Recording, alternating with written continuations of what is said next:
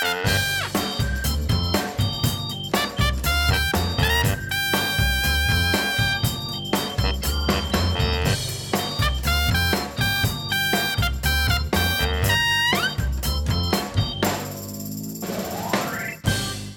is een heugelijk moment. Oh, Christelijk Nederland heeft vier weken de stem van Rick Bokelman niet gehoord. wat een gemis. En hij is hier gewoon weer. Ja, ik ben er weer, Jeffrey. Ik heb een lekker eh, vakantie gehad.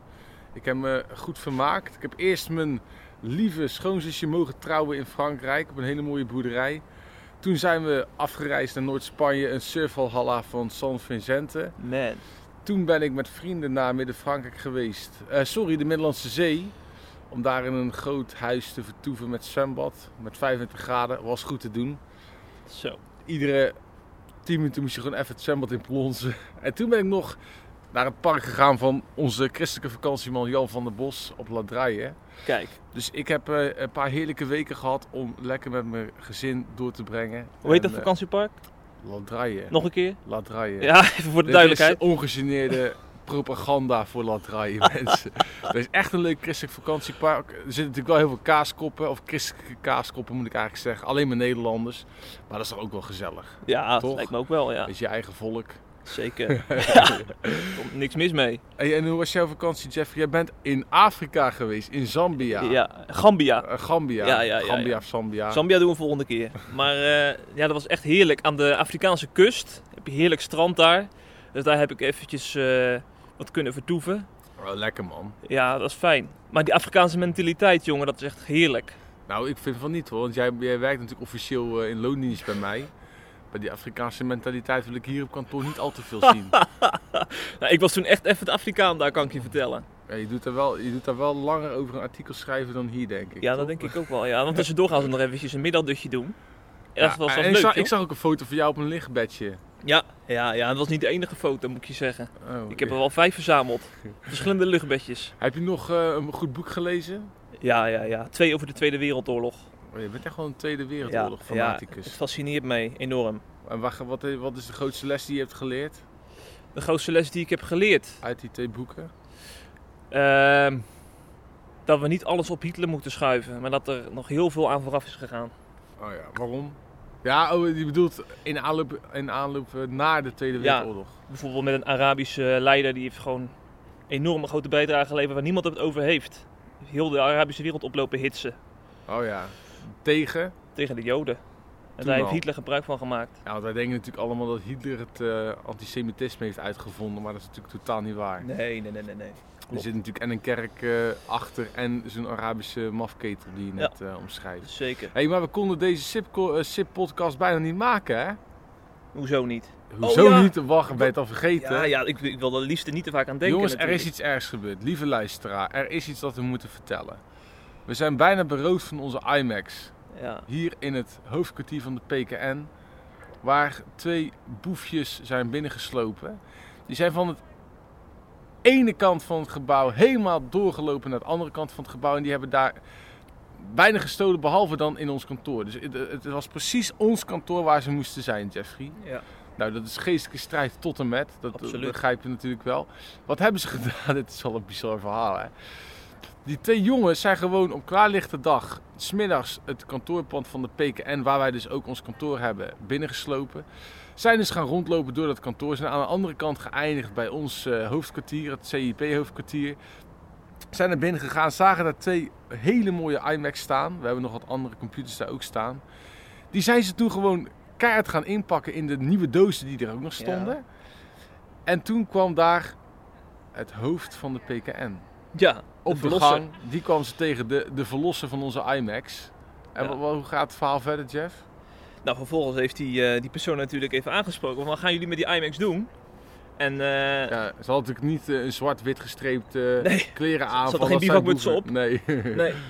Dus op een gegeven moment ging ze natuurlijk vertellen dat ze gingen verhuizen. Heel leuk verhaal eromheen. Maar hij ging doorvragen. Heel slimme man. En op een gegeven moment werd ze toen zenuwachtig. En zoef, daar gingen ze. Als een haas gingen ze er vandoor. En toen zijn zo onze IMAX gered en hebben toch eh, deze eerste paar dagen artikelen kunnen schrijven. Ja, gelukkig maar. John, wat een verhaal hè. Hey, Ja. maar we gaan eh, nu weer het eh, christelijke nieuws van deze tijd doornemen. We hebben weer drie items geselecteerd. Waar gaan we het als eerste over hebben? We gaan het als eerste hebben over ja, de sluipmoordenaar van Gertjan Segers. Ja, want wat heeft Gertjan Segers gemeen met Donald Trump, Jeff? Ja, dat is een goede vraag. Ja, je zou denken als christen, nee, die Segers en Trump, dat zijn toch, eh, dat zijn zulke verschillende mensen. Ja. Hè, ik bedoel, ik hoor Gertjan Segers niet zeggen, make Nederland great again. Nee, nee, dat zal hij niet zo Of snel zeggen. Captain by the Pussy. Nee. Dus dat zijn niet de overeenkomsten tussen Segers en Trump. Maar wat is nou wel een overeenkomst? Dat is dat ze allebei geheel onthouden zijn. Ze drinken allebei geen alcohol. Precies, ja, En Segers had daar een eh, Facebook-item over gemaakt, hè? klopt. Ja. Hij heeft dus geschreven dat hij eh, ja, toch wel regelmatig wordt aangesproken omdat hij gewoon geen biertje aanneemt. En hij voelt zich er toch een beetje ongemakkelijk bij, want hij- het voelt als een soort van verantwoordingsgebeuren. hè? Van, eh, dat ik helemaal moet gaan uitleggen waarom je nou geen, alcohol, geen, geen bier drinkt. Ja. En dat vindt hij, heeft hij zijn blog aangeweid van ja, waarom is het eigenlijk eh, de moraal dat je, dat, het, dat, het- dat je op een feestje allemaal bier zou moeten lopen zuipen? Ja, en ook bij studenten is dat natuurlijk de norm. En in Den Haag ook. Het is natuurlijk Ja. heel stoer om te zeggen, ik ga even lekker een glas wijn drinken. En dan voel je je toch een beetje raar als jij dan de enige bent die dat niet doet. En dan wordt er een Ja. beetje raar op aangekeken. En dan schreef hij over. Ben je het daarmee eens? Ja, ik, kan me, ik vind, ik vond het ook heel erg herkenbaar. Want ik ga ook natuurlijk wel eens naar een feestje toe. Ik hou wel van een feestje. En pas was, was ik bij zo'n havenfeest en dan echt, die, dat bier gaat aan de lopende band, komt dat eh ten En de tap staat alleen maar open. Ja, zeker. Maar op een gegeven moment ben ik er natuurlijk klaar mee. Dus dan zeg ik, doe maar een colaatje. En dan zeggen, zitten die mensen maar aan te kijken. Alsof ik dan vraag eh, of, ik, of ik zijn vrouw mag hebben of zo. Ja, weet je je net een ufo hebt gezien. Ja, ja, ja, ja. Ja, Dus- het is de norm, denk ik. Hè? En als je daarvan afwijkt, dan ben je toch een beetje anders. En dan gaan denken mensen, wat, wat is dat nou? Ehm, ja, ik ben trouwens gewend om niet meer dan drie biertjes te drinken, normaliter. Ja, de max. Ja, dat was er vroeger al zo. Maar dat had eigenlijk twee hele goede redenen. Want als je dan uitging in een eh, discotheek of in een café... Ja, dat was ook de tijd dat ik nog helemaal niet gelovig was. Dan had je twee voordelen met het eh, weinig drinken van bier. Mhm. Is iets anders dan geen bier drinken of geen wijn zoals Gertjan Segers. Maar ik dronk er dus maximaal maar ongeveer drie. Wat waren de redenen voor? De eerste reden is eigenlijk een hele goede. Kijk, je wil natuurlijk meisjes versieren. Ja. Als je meer bier op hebt, op hebt dan eh, drie, dan begin je niet te dansen, maar te zwalken. En dan ben je Mm. toch minder aantrekkelijk hè, voor de meisjes. Want ja, mensen denken, ja, ik krijg meer zelfvertrouwen als ik veel bier drink en dan ga ik ook makkelijker dansen. Maar je, je dansprestaties, die worden er niet beter op. Lijkt me niet. Dus eh, daarom dacht ik, ja, niet te veel bier drinken, want dan kom je ook eh, gewoon uiteindelijk beter en nuchterder over bij eh, de meisjes. En de tweede reden was dat als het dan gevochten werd, ja, want we hadden ook wel eens ruzie, hè. Gebeurt ook. En heel veel van die gasten hadden veel te veel drank op en die gingen dan vechten of die wilden vechten met je. Eh, toch, ik ben toch een beetje opgegroeid in het milieu waar er wel wat vechtpartijtjes waren. En dan was het toch altijd handig als je dan weinig had gedronken, want dan was je gewoon twee, drie keer zo snel als diegene die zich helemaal had bezat.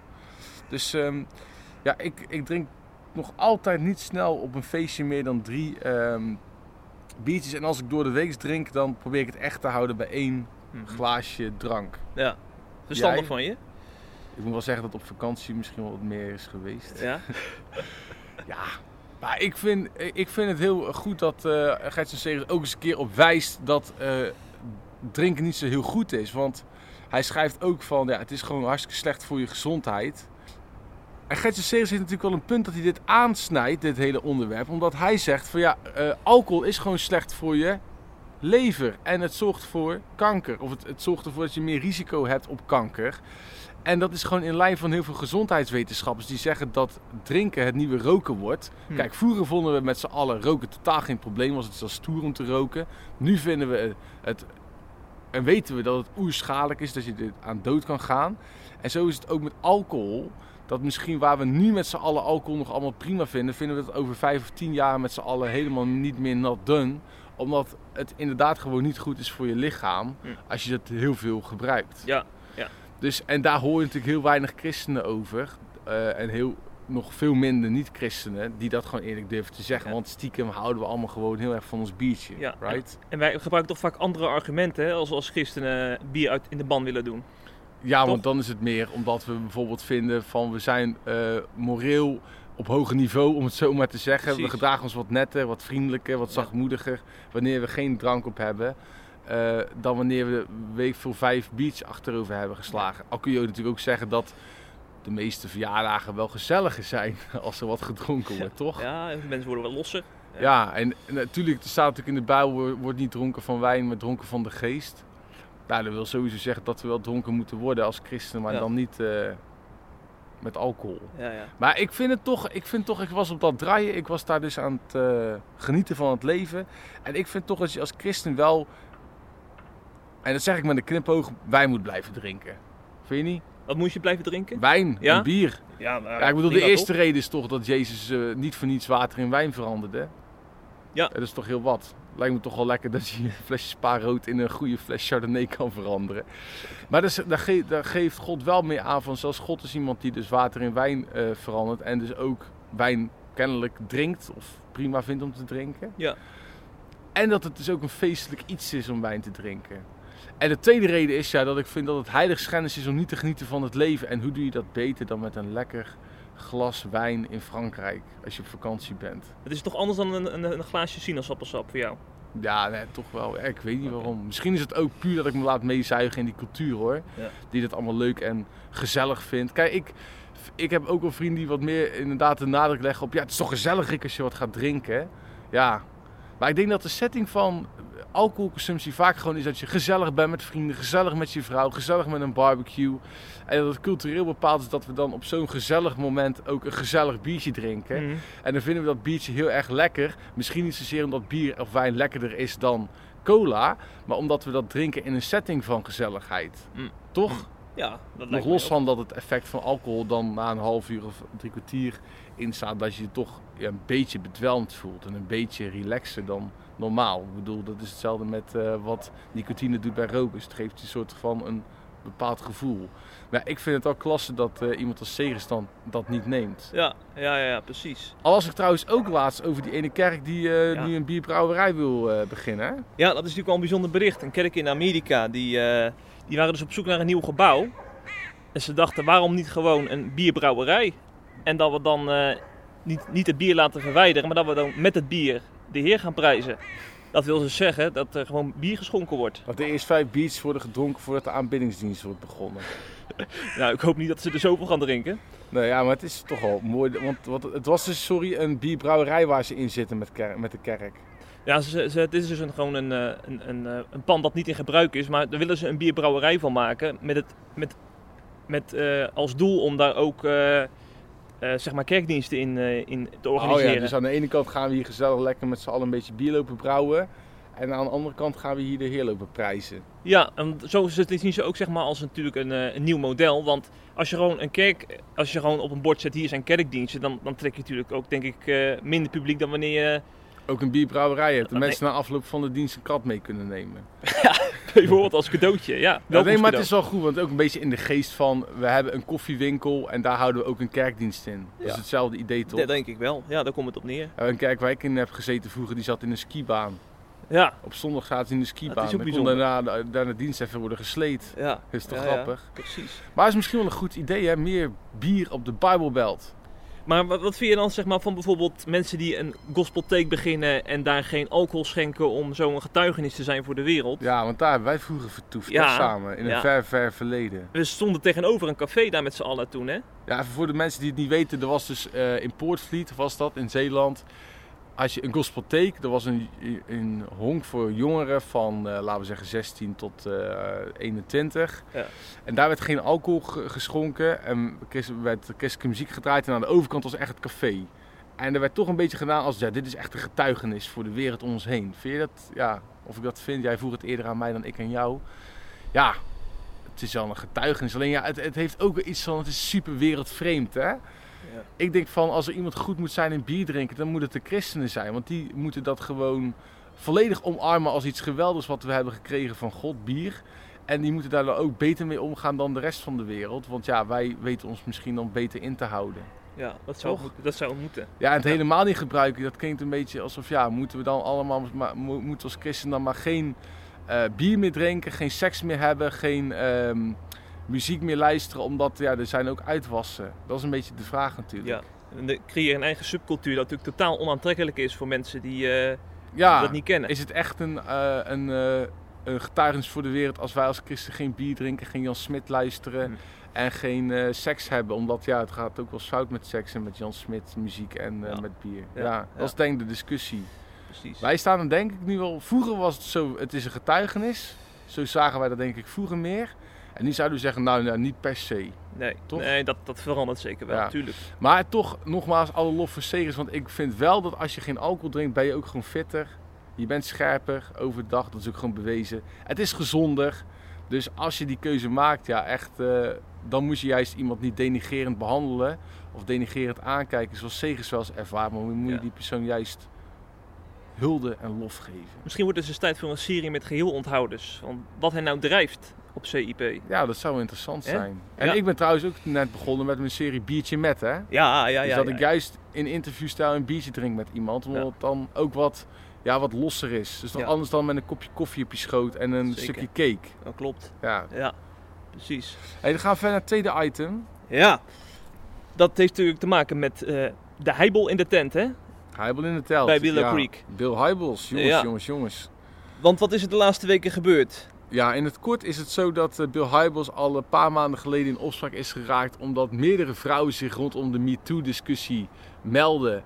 En zeiden dat hij seksuele avans had gemaakt op een niet erg gepaste manier. Dat hij dat had gedaan vanuit zijn ehm, rol als grote geestelijke christenleider die in heel de wereld beroemd en bekend is.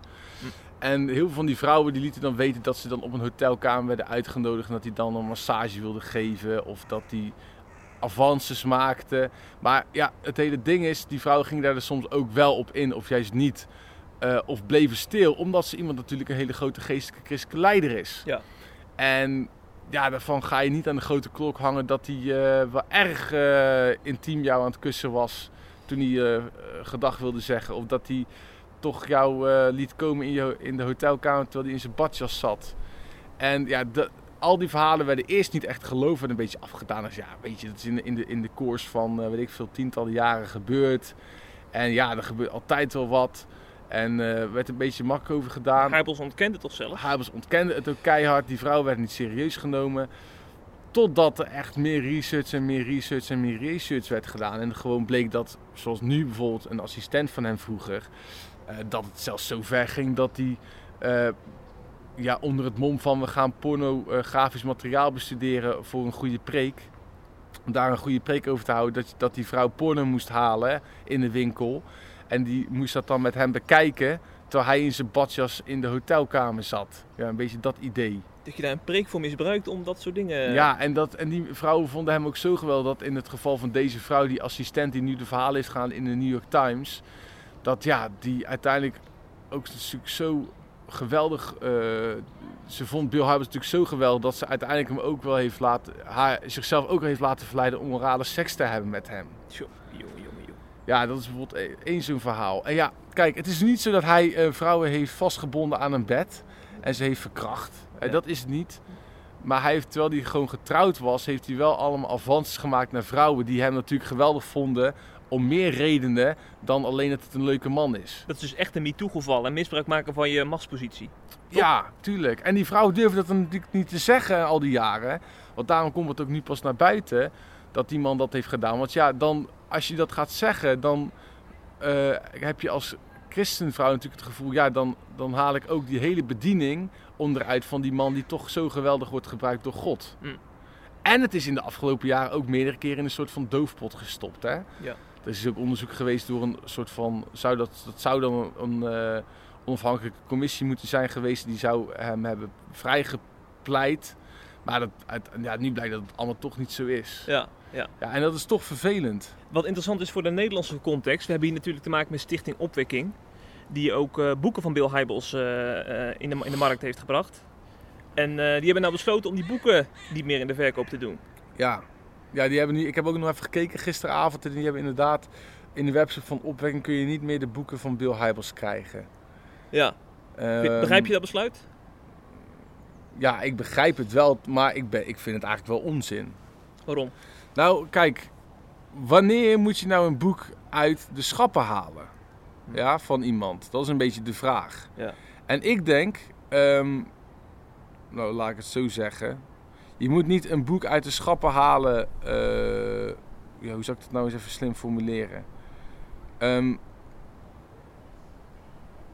ik zou een boek niet uit de schappen halen als de auteur gezondigd heeft. Hè, want dat doen we allemaal. Ja. Ik zou ook niet een boek uit de schappen halen als de auteur zondiger is dan ik. Want dat kan haast niet. En ik zou ook een boek niet uit de schappen halen als dat vol staat met onzin.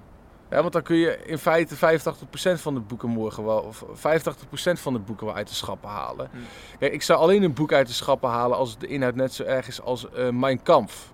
Hmm. Ja, en tot dat punt hebben mensen gewoon zelf de keuze om een boek wel of niet te lezen. Hmm. Maar kijk, het feit dat iemand slechte dingen heeft gedaan, dat wil niet zeggen dat wat er in het boek staat, wat je verkoopt, nog heel veel zinnige dingen zitten. Ja. Right? Ja.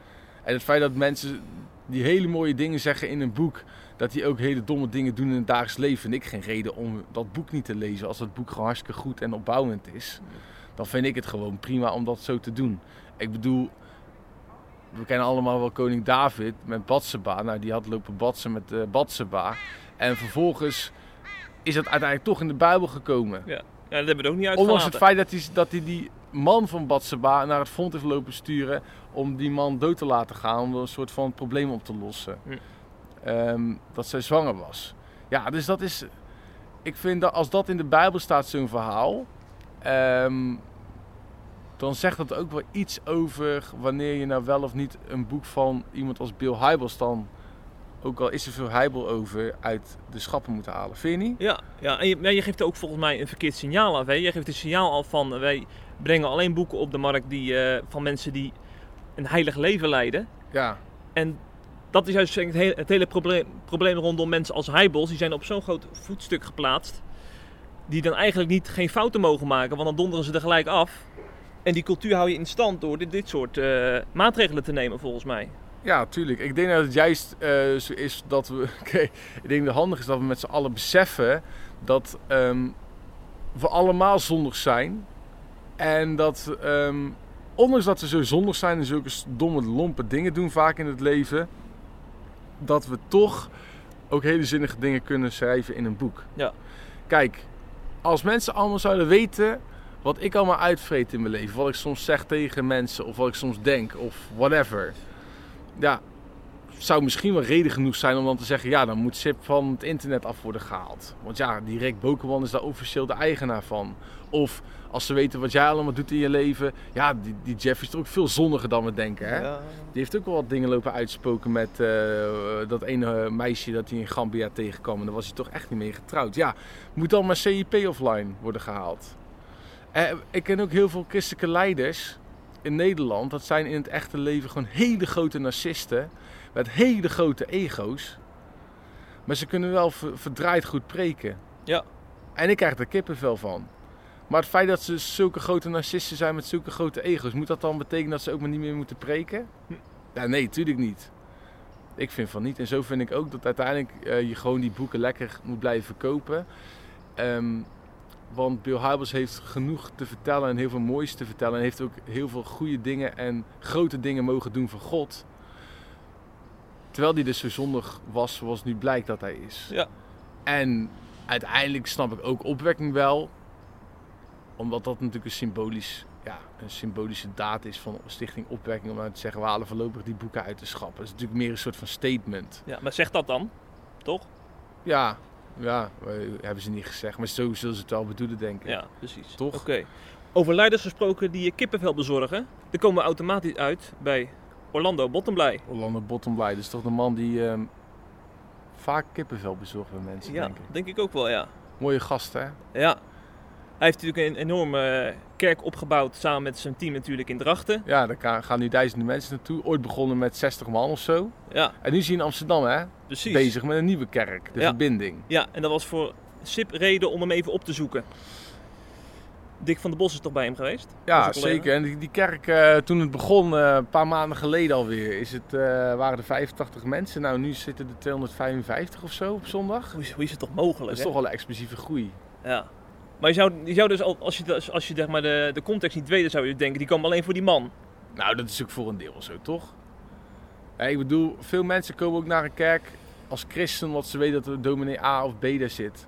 Ja. dat zie je ook, dat zag ik ook wel eens in Tolen. En dan kwam er een dominee, zat het helemaal stampvol, ja, ja. populaire dominee. Ik heb en er dan kwam er een andere dominee en hij was gewoon een rookie, nog een eh, beginneling. Ja.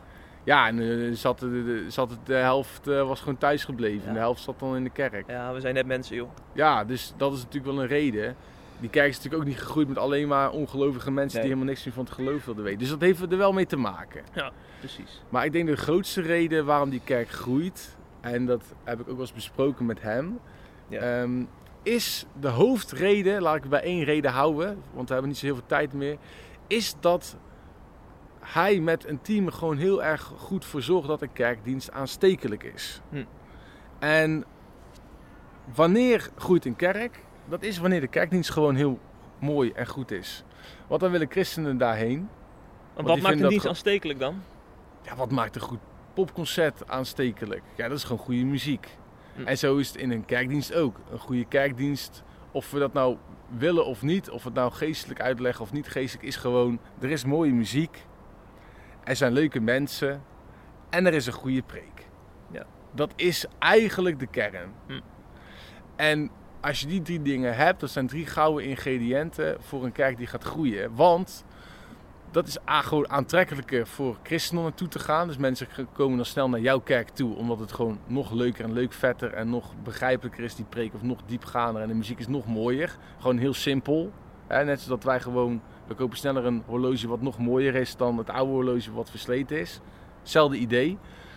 Maar wat daaruit voortkomt, is ook dat mensen andere mensen sneller durven mee te nemen naar Ja, de ja. kerk. Ja, het gevolg. En kijk, dat is toch de meest trieste werkelijkheid van het christendom in Nederland. Is dat heel veel christenen in Nederland hun ongelovige buurman niet mee naar de kerk durven te nemen. Ja.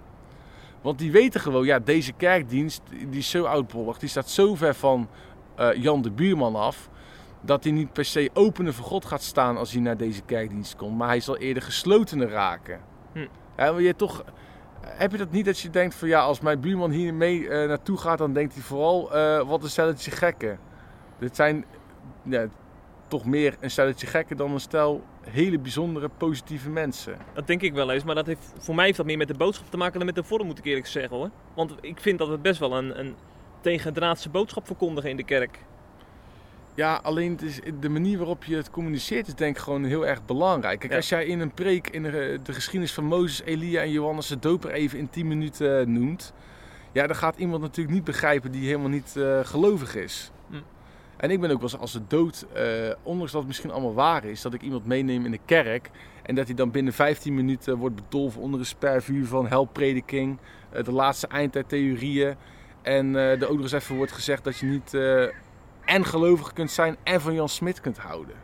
Right? Ja, ja, lastig. Ik bedoel, kijk, al die dingen over de hel mag misschien waar zijn. Het mag misschien waar zijn wat je allemaal te vertellen hebt over de eindtijd. Of eh, dat je vertelt eh, dat sommige muziek niet de beste muziek is om naar te luisteren. Alleen het is meer de manier waarop je dat dan vertelt. En hoe dat dan landt bij iemand die in een heel andere denkwereld en een heel ander wereldbeeld zit dan jou. En mensen als Bottomblight die snappen heel goed hoe je die brug moet slaan tussen aan de ene kant de Bijbel, wat de Bijbel gewoon ons te vertellen en ons te leren heeft en hoe Jezus ons kan inspireren. En aan de andere kant hoe dat dan aansluit bij iemand die gewoon helemaal niet gelovig is, die helemaal niks met de kerk heeft, niks met geloof. Die misschien al, weet ik veel, in zijn leven in de afgelopen 30 jaar nog niet eens een bladzijde van de Bijbel heeft aangeraakt of gelezen. Snap je? Hm. Dus ja, en dat is toch ja, wat ik soms zo knap vind van christenen. Dat ze kennelijk de mooiste boodschap van de wereld hebben. Maar dat ze dat soms extreem slecht weten te brengen. Ja. En dat vind, ik, ja, dat vind ik de meest trieste werkelijkheid van het christendom in Nederland. Hm. Want ik, ja, ik ben zelf, dat weet je wel, van de expansiedrift en van het ondernemerschap en dat soort dingen. En ik denk altijd, ja, hoe kan hier in een kerk morgen 10 man eh, meer zitten en overmorgen 20 man? Eh, en hoe, kan, eh, hoe kunnen we ervoor zorgen dat morgen op CIP eh, we weer meer nieuwsbrieflezers hebben? Ja, en daar zijn christenen in het algemeen niet heel goed in. Hm. Want je zit soms zo in je eigen subcultuur vast, dat je allemaal je eigen ding maar doet. Ja, en je niet afvraagt, van, is het nou wel zo handig als wij echt een missionaire kerk willen zijn, dat we nog psalmen op hele noten blijven zingen? Ja, ja, precies. Als ze echt die ongelovige buurman willen benaderen, misschien moeten we dan even onze christen-calvinistische ja, woordgebruik even achterwege laten. Snap je? Hm, ja, ik snap Maar goed, dat is een beetje een frustratie voor mij. Ja, ja. Dat, ik vind dat gewoon echt nogmaals zonde als je de mooiste boodschap van de wereld hebt, dat je het soms zo slecht weet te brengen. Want ik denk, ja, als. Dat is toch zo, kijk, een iPhone, dat is, zo'n, dat is ongeveer de mooiste telefoon die er is gemaakt tot nu toe. En dat heeft een natuurlijke aantrekkingskracht op mensen.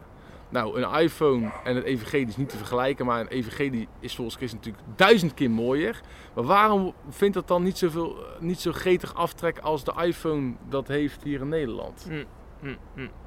Ik vind, het mooi, ik vind het een mooi punt, maar is, zit er ook niet, schuilt ook niet een gevaar aan? Want eh, hier kan het uit de, de, de, suggestie uit voorkomen dat, dat het wel een beetje maakbaar is. Dus als je zeg maar het model bottombeleid toepast in je kerk, dat dan eh, de hele buurt dan eh, de kerk binnenkomt. Ja, ik kan na negen jaar CIP echt eerlijk zeggen dat het ook zo maakbaar is. Ja, ik, ik zou willen dat het allemaal geestelijke redenen zijn. Van hoe meer je bidt bijvoorbeeld, des te meer mensen komen tot geloof. Maar ik zie toch in het gewoon heel nuchter gewoon. Dat als je gewoon het, uh, dat, dat de manier waarop je het communiceert, gewoon met nuchtere boerenverstand, hoe je het, het evangelie uitlegt, hè, dat je met je boerennuchtere verstand zegt, nou misschien die valszingende truus met die niet gestemde gitaar van Gijs, doen we niet. We zorgen gewoon dat uh, David met zijn piano, die echt mooi speelt, echt mooi zingt, dat gaat doen. Ja. Dat dat misschien wat minder geestelijker is als argument, maar dat het wel gewoon zorgt voor meer mensen die in je kerk willen komen en die dat dan heel mooi vinden. En die boodschap landt dan ook beter. Kijk, het is toch ook de boodschap van een film. Die, van een film die gewoon helemaal fantastisch is geproduceerd, landt toch ook gewoon beter dan een houtje-touwtje film van, weet ik veel, van een of andere student die net weet hoe die een camera moet scherp stellen. Dat is toch gewoon zo? Dus waarom mag je dat dan niet zeggen over het evangelie? Omdat dat eh, een wereldse manier van denken is volgens velen. Ja, Dat het spijt me, verwacht het maar, van jezelf. maar wijs mij maar de eerste Gergenkerk aan, waar, de, waar echt gigantisch traditioneel is, waar er, laten we zeggen, meer mensen tot geloof komen die niet gelovig zijn Mhm. eh, geweest, dus die gewoon seculier zijn, versus zo'n kerk als die van Bottomblad. Ja, ik zou willen dat ik zou zeggen dat die kerken, de net zo missionair en net zoveel niet-gelovige Nederlanders eh, aantrekken tot het christelijk geloof als die hypermoderne, supercommunicatieve kerken. Maar het is gewoon niet zo. Nee. En dan kan ik wel allemaal ja, doen alsof het allemaal toch allemaal de geest is. Het is ook de geest, maar ik denk die geest werkt dus door Ja, ja. het gezonde boerenverstand. eh, die werkt door dat gezonde boerenverstand van ons. Mhm. En ik denk, als je, ja, ik bedoel, kijk, als je een brood wil verkopen, daar doen we ook allemaal technieken van toe, op toepassen om een brood nog aantrekkelijker te maken als bakker. Om nog, zo, nog zoveel meer refo's in jouw refodorp dat brood te laten kopen. En daar schamen we ons totaal niet voor dat we een hele mooie folder maken, een hele mooie website. En we, we, plakken er een sticker op eh, dat het speldbrood is en dat is vers afgebakken. Eh, de lichtjes in ehm, de bakkerij zijn heel mooi met mooie spotjes op de vitrine. Hè, de slagroom die lacht je tegemoet als je daar binnenkomt op dat aardbeien taartje. En daar kijken we allemaal niet van op dat die mensen succesvol zijn als bakker. Maar opeens als we zo die technieken, die marketingtechnieken toepassen op de kerk, oeh, dan is het opeens heel slecht. En dan mag het opeens niet. Dan is het werelds, dan is het wereldsdenken, dan is het psychologie. Ja, sorry, maar ik denk dat juist Jezus ook zo sterk was in het aantrekken van niet-christenen. Eh, of ook, eh, sorry, ik moet eigenlijk, eigenlijk anders zeggen. Jezus was zo goed om de echte klassieke Jood eh, in zijn manier van denken te krijgen. Omdat hij juist gewoon heel simpel, soort van. hele simpele persoon was die gewoon simpele verhaaltjes vertelde. Dat iedereen dat snapte, right? Ja. Al die verhalen van Jezus snapte iedereen.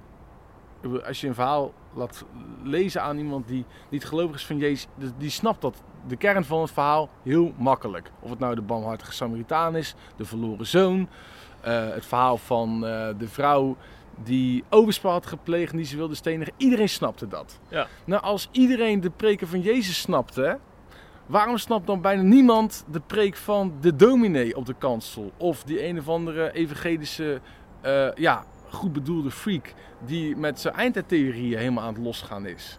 Ja. Ik denk dat het een simpele vraag is die we met z'n allen simpel kunnen beantwoorden. En ja, ik zeg het echt een beetje uit frustratie, maar ook omdat ik het gewoon mooi vind van jongens, als ze dat nou iets meer doen zoals Bottomblight doet, en zoveel mensen doen dit op deze manier, Mhm. dan echt binnen no time eh, hebben we een miljoen christenen erbij in Nederland. Mm. Dit huiswerk krijgt u mee van CIP. Ja, nou, in ieder geval, het is ook mijn bescheiden mening. Je hoeft het ook totaal niet mee eens te zijn. Ben jij het ermee eens? Ja, ik, eh, ten diepste ben ik het met je eens. Alleen, ik vind het altijd zo moeilijk dat we, dat we dan zo- zo'n zo'n model, dat we dan een soort gaan, gaan verheerlijken. Ik geloof trouwens dat, dat het ook op hele andere manieren kan. Ja.